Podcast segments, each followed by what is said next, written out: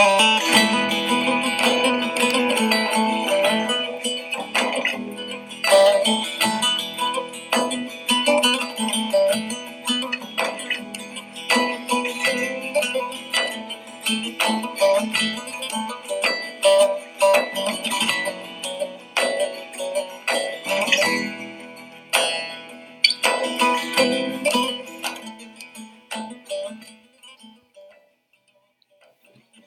Bulutlara çobanlık ederdim ben o zamanlar.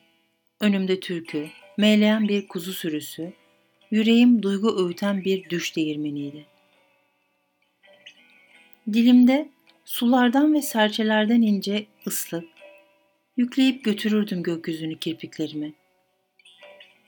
Ayla sürerdi geceleri, güneşle başlayan yolculuğu. Bir giz gibi alırdı aklımı ufukların ardı. Konup kalktıkça her mevsim hareketsiz ülkeme, içimdeki boşluğu biçimlerdi kanatları göçmen kuşların. Uzak kentler, büyük sular, adını bile bilmediğim ırmakların ve yolların haritasını çizerdim toprağa.